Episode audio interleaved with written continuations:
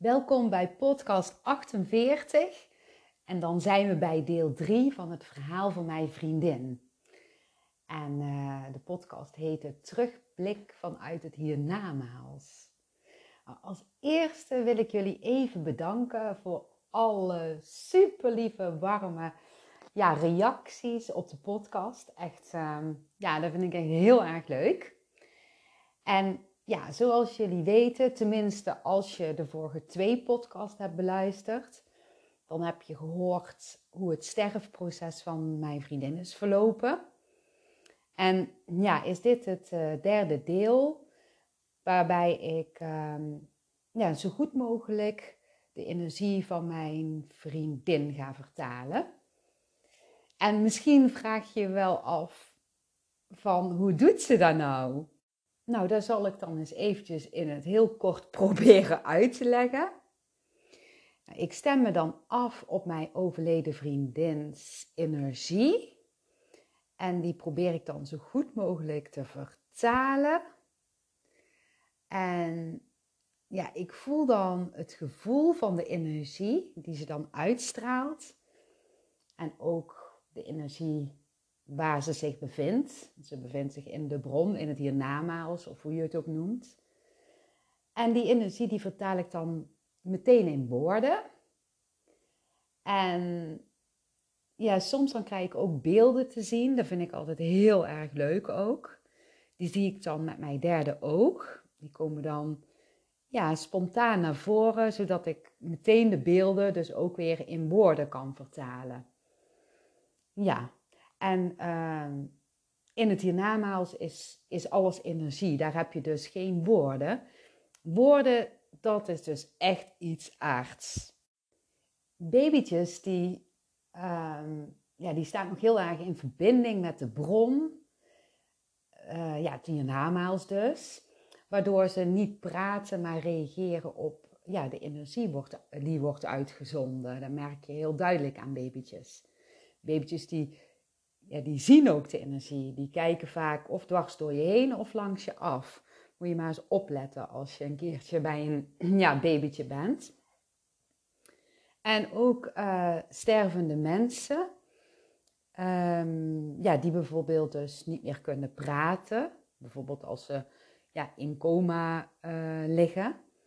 Die, die verstaan ook heel erg de energie, de energie die uitgezonden wordt.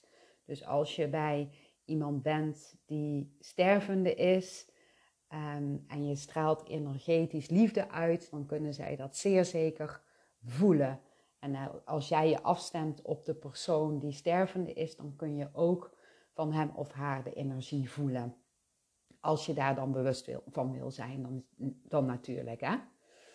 En dan heb je natuurlijk ook nog uh, ja, mensen die niet stervende zijn, maar bijvoorbeeld niet kunnen uh, praten, of mensen met een uh, ja, verstandelijke uh, beperking, of mensen die blind en doof zijn. Ja, zij kunnen de energie echt haarfijn aanvoelen. Ja, ze kunnen ook uh, niet anders als ehm, ja, met de energie dan te communiceren. Um, ja, net na mijn bijna doodervaring was het voor mij helemaal niet gemakkelijk om de energie te vertalen. Dat was gewoon een ramp. maar ja, ik kon niet anders dan dat dus meer te gaan uh, ja, onderzoeken. En uh, ja, hierin dus echt uh, te leren. Ook met harde lessen hoor. Ja, hoe geef je nou de juiste woorden aan energie? Dat is ja, toch wel oefening baart kunst. En door te durven oefenen ja, kwam het uiteindelijk vanzelf op gang. Hoewel mijn uh, punthoofddenken ja, dit niet zo goed durfde hoor. En hij verklaarde me dus ook echt voor gek. En gaf nogal wat tegenwerking om door te pakken als vertaler. Maar ja, mijn enthousiasme die, die won het toch echt wel van het punthoofd. Het was echt iets hè, wat ik vanuit het diepste van mijn ziel wilde leren. En ik kon niet anders dan me hierin uh, ontwikkelen. En ja, zo verwonderde ik me keer op keer hoe prachtig mooi het is om dit te kunnen doen. ja, prachtig mooi is eigenlijk nogal zachtjes uitgedrukt. Het is zo intens, liefdevol gevoel, waar dus ja, geen woorden voor zijn. En uiteindelijk kreeg mijn punthoofddenken ja, vanzelf uh, bevestiging. Waardoor hij tegenwoordig ja, niet zoveel tegengas meer geeft. Maar uh, best wel braaf in zijn uh, hangmatje blijft liggen. En zo ontwikkel ik mezelf steeds meer en het blijft super interessant. Het houdt gewoon echt niet op. En ja, er is zoveel wat je kunt leren. Nou, dan zal ik eens uh, beginnen, voordat ik weer te veel afwijk, uh, met mijn vriendins verhaal. Ik heb haar van de week regelmatig op bezoek gehad. En dat voelt al ongeveer hetzelfde alsof iemand die nog leeft gezellig op bezoek komt.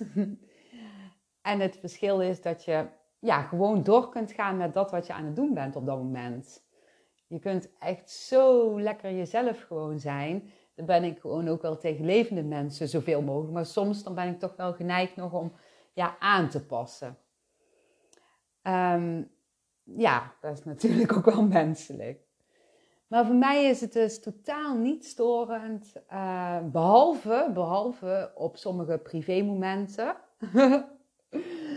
uh, als dus overleden mensen komen. Maar blijkbaar is het voor de overleden mensen nu toch wel heel erg duidelijk dat ik uh, ja, mijn eigen heel erg afscherm als we het eventjes over privé momenten hebben. en uh, voor hun is dat uh, afschermen toch wel energetisch voelbaar, want ze komen dan gewoon niet. Dus dat is wel mooi, lekker handig. Maar daar heb ik ook moeten leren, want er zijn ook momenten geweest, misschien dat ik nog ooit daar een verhaal van ga vertellen, maar dat weet ik nog niet zeker. um, ja, dat een overleden persoon op een privé moment uh, binnen kan wandelen. Uh, maar goed, weer even niet afwijken, Sandra. Even to the point. We hebben het dus heel gezellig gehad, hè? mijn vriendin en ik van de week. We hebben heel veel gesproken over ja, het verhaal, hè? wat ik in de podcast um, heb verteld. En ook hoe het nu uh, met haar gaat. En wat ook heel mooi was, uh, was dat er nog een paar andere overleden mensen uh, bijkwamen die we gezamenlijk kenden. En uh, zo te voelen willen er nog wel meer overleden mensen hun verhaal delen. Dus wie weet. Ja, ik wacht geduldig af. Ik heb nog zoveel te vertellen, dus dat komt wel. Um, maar goed, om even bij het verhaal van mijn vriendin te blijven. Um, ik vroeg haar wat ze op uh, ja, zielsniveau nog wilde delen. En de energie ging in eerste instantie ja, een beetje van de hak op de tak, wat door elkaar, wat vrij normaal is hoor. En voor mij is dat wel gemakkelijk te volgen. Maar ik had zoiets, weet je wat ik doe? Ik ga daar toch eens even opschrijven. Dan ja, is het toch iets duidelijker. En dan hoop ik dat jullie het een beetje kunnen volgen. Nou, daar komt dan de vertaling. Het zijn steeds zinnetjes die ik op heb geschreven. En ik voel nu, nu ik deze podcast aan het inspreken ben, dat zij gewoon naast mij, ja, ik wou zeggen staan zit, maar nee, haar energie voel ik gewoon naast me. Um, Oké, goed, daar komt hij. Ik snakte naar vrijheid, maar voelde me gevangen. Het benauwde me, de mensheid, de onrechtvaardigheid in de wereld. Ik begreep het niet. Waarom was er zoveel oneerlijkheid in de wereld? En wat deed ik verkeerd? Waarom? Dat was dus steeds de vraag. Mijn denkwereld vroeg zich af wat ik steeds verkeerd deed, terwijl er niks verkeerd was. Nu weet ik dat deze onrechtvaardigheid met enkele vorige levens te maken had en deels een spiegeling was van mezelf. Nu ik weer thuis ben, kan ik zien dat alles wat er gebeurde goed is geweest. Ik moet heel eventjes ook lachen, want zij tikt mij aan met de energie van hey, ik ben thuis, maar ik ben ook hier. En ja, moest ik eventjes heel, ja, moest ik even lachen. Oké, goed. Even serieus. Het is gegaan zoals, zoals het is gegaan, volgens plan. Ehm, de pijn, het onrecht, inlossing van vorige levens die ik in dit leven weer doorvoelde. Ik was me totaal niet bewust. In mijn vorige levens heb ik met deze zwaarte te maken gehad, waardoor ik meerdere malen mijn levens op een heftige manier heb afgebroken. Het lukte me steeds niet om voor mezelf te kiezen en bij mezelf te blijven. Ik zag geen andere mogelijkheid als deze leven steeds weer te beëindigen op weg naar vrijheid. Mijn gedachten hielden me gevangen. Ik vergat wie ik werkelijk was. In mijn laatste leven koos ik als ziel om oude pijnstukken van de vorige levens in te lossen. Het zou niet gemakkelijk worden en ik zou weer de onwetendheid ervaren en vergeten wat mijn ziel had uitgekozen. Toch zou er een kleine omkeer komen, waardoor mij onbewuste stapje voor stapje bewuster werd, zodat het net haalbaar was om mijn leven voor te zetten. En ja, dit bewust worden heb ik mogen ervaren. Het gaf me verlichting. Ik heb momenten gehad dat ik van de kleine dingen kon genieten. De natuur liet mij zien hoe ik me kon verbinden met mezelf. En het voelde als thuiskomen. En ik heb mooie momenten gehad met liefdevolle dierbaren. We hebben gelachen en we hebben gehuild. Het onrecht waar mijn levens uit bestond, zou ik in fases doorvoelen. Fases waarbij ik me gevangen voelde in mijn zijn. Mijn teleurstelling, verdriet uit het verleden sloegen om in boosheid. En uiteindelijk ben ik me bewust geworden om dit alles in liefde om te kunnen zetten. Als ik daarna terugkijk, ben ik trots op mezelf. Ik heb iedereen vergeven, ook mezelf. Vergeven is helend. Je bevrijdt jezelf van boosheid en pijn. Accepteren dat het gaat zoals het gaat. Dat alles wat op je pad komt nodig is voor een verdere ontwikkeling. De laatste fase van mijn leven leek het wel of alles tegelijk kwam. Mijn lichaam wilde niet meer, het was op. Ik voelde het. Ik wist het. Ik wist dat mijn eind in zicht was. Het zou niet zichtbaar worden, waardoor ik weer in verwarring kwam. Het onzichtbare wat woekerde in mijn lichaam zou pas in mijn laatste dagen hier op aarde zichtbaar worden voor anderen wat voor mij als onrecht voelde en een strijd opleverde. In deze fase namen mijn gedachten me hardnekkig over. Ik voelde me gevangen, gevangen in mezelf. Nu ik terugblik, zie ik hoe zinvol dat stuk is geweest. Uiteindelijk leerde ik om bij mezelf te blijven. Wat anderen ook dachten, ik zou voor mezelf kiezen. Ik dacht stilstand te ervaren, terwijl ik me onbewust in mijn eigen zielstempo heb kunnen ontwikkelen. Dit zie ik nu achteraf in. Het verhaal van alle levens bij elkaar maakt het complete verhaal. In de aardse werkelijkheid onduidelijk en vanuit het hiernamaals helder. De helderheid geeft aan dat liefde de sterkste kracht is. Liefde heelt en bevrijdt je van zwaarte. Toen ik nog leefde, kon ik dit bijna niet zien, hoewel diep van binnen een weten was, die af en toe naar de oppervlakte kwam. Het was vaag en onduidelijk, toch voelbaar in mijn diepste zijn. En toen kwam dat moment, het moment dat ik weer dacht dat de dood mijn enige uitweg was, zoals in eerdere levens die ik afbrak. Het verlangen om terug te keren, terwijl het mijn tijd nog niet was. Ik had hier al vaak over nagedacht en wist dat in dit leven zelf uitstappen niet de weg was die ik op zielsniveau wilde gaan. In een verwacht moment overheerste mij gedachten en verdween mijn dieper weten naar de achtergrond. Ik deed weer een poging om uit te stappen. Een poging die niet door zou gaan, omdat mijn zielsplanning dit keer anders zou verlopen.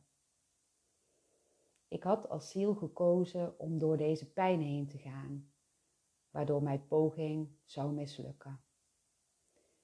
Zo kon ik de pijn helen en mezelf bevrijden, tot de tijd aanbrak en mijn terugkeer vanzelf op gang kwam. Nu zie ik in dat iedereen die op mijn pad is geweest, mij iets moois heeft gegeven.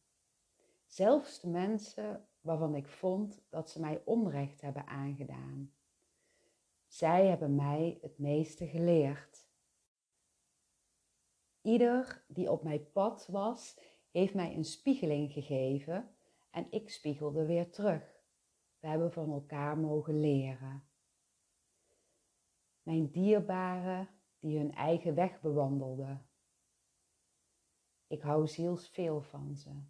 En ik ben dankbaar dat we in de laatste fase van mijn leven de intense liefde van elkaar zo bewust mochten voelen. De mooie herinneringen in mijn hart bewaard. De herinneringen die je meeneemt als ziel. Mee naar huis, het hiernamaals. In liefde verbonden, wetende dat liefde geen, dat liefde geen grenzen kent en dat afscheid niet bestaat.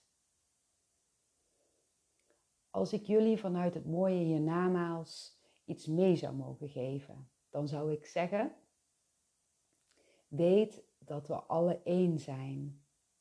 Er is veel meer dan alleen het aardse leven. Soms weet je het misschien even niet en krijg je niet meteen inzichten.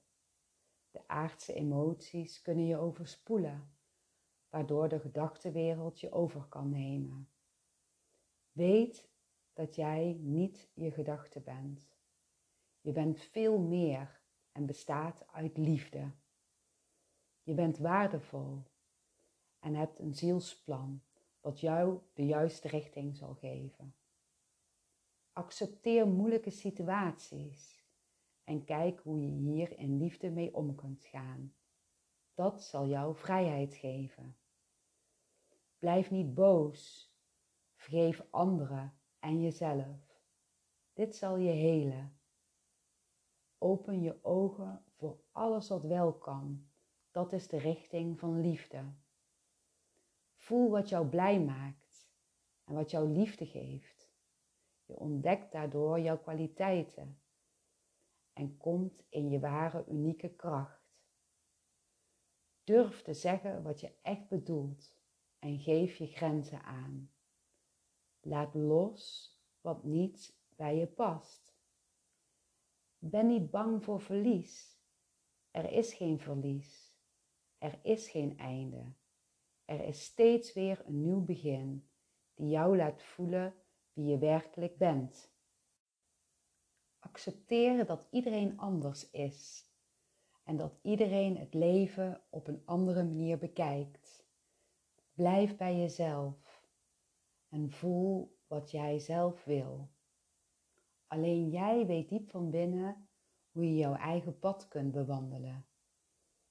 En weet je het even niet en voelt het donker, er zal altijd licht voor je zijn. Verbind je met liefde en het zal licht worden, zodat je kunt zien waar je heen wil gaan. Geniet van mooie momenten in het leven. Zoek niet te ver. Het mooie ligt dichterbij dan je denkt. Dit alles is wat ik als mens mocht ontdekken en neem ik zeker mee in een volgend leven. Wie weet kom ik je ooit daar nog tegen. Heel veel liefs. PS, vergeet nooit dat jij liefde bent. Dit was de vertaling van mijn vriendins energie. Ik hoop dat je er iets uit kunt halen voor jezelf of voor een ander. En ik wens je al wat mooi is. Heel veel liefs en tot de volgende keer.